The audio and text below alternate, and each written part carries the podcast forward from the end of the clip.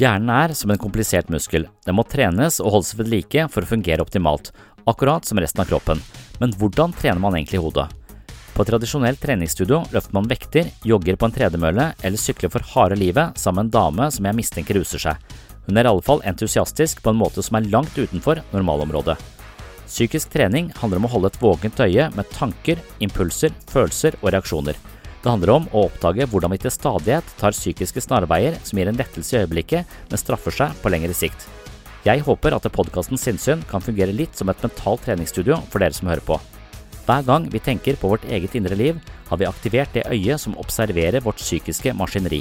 Og nettopp dette øyet er den muskelen vi må trene opp for å skaffe oss mer innsikt, et større overblikk og evnen til å regulere følelser, slik at vi kan tilpasse oss ulike situasjoner på en mest mulig meningsfull måte. Sjekk ut podkasten Sinnsyn for en mental treningsøkt. Du finner den der du hører på podkaster.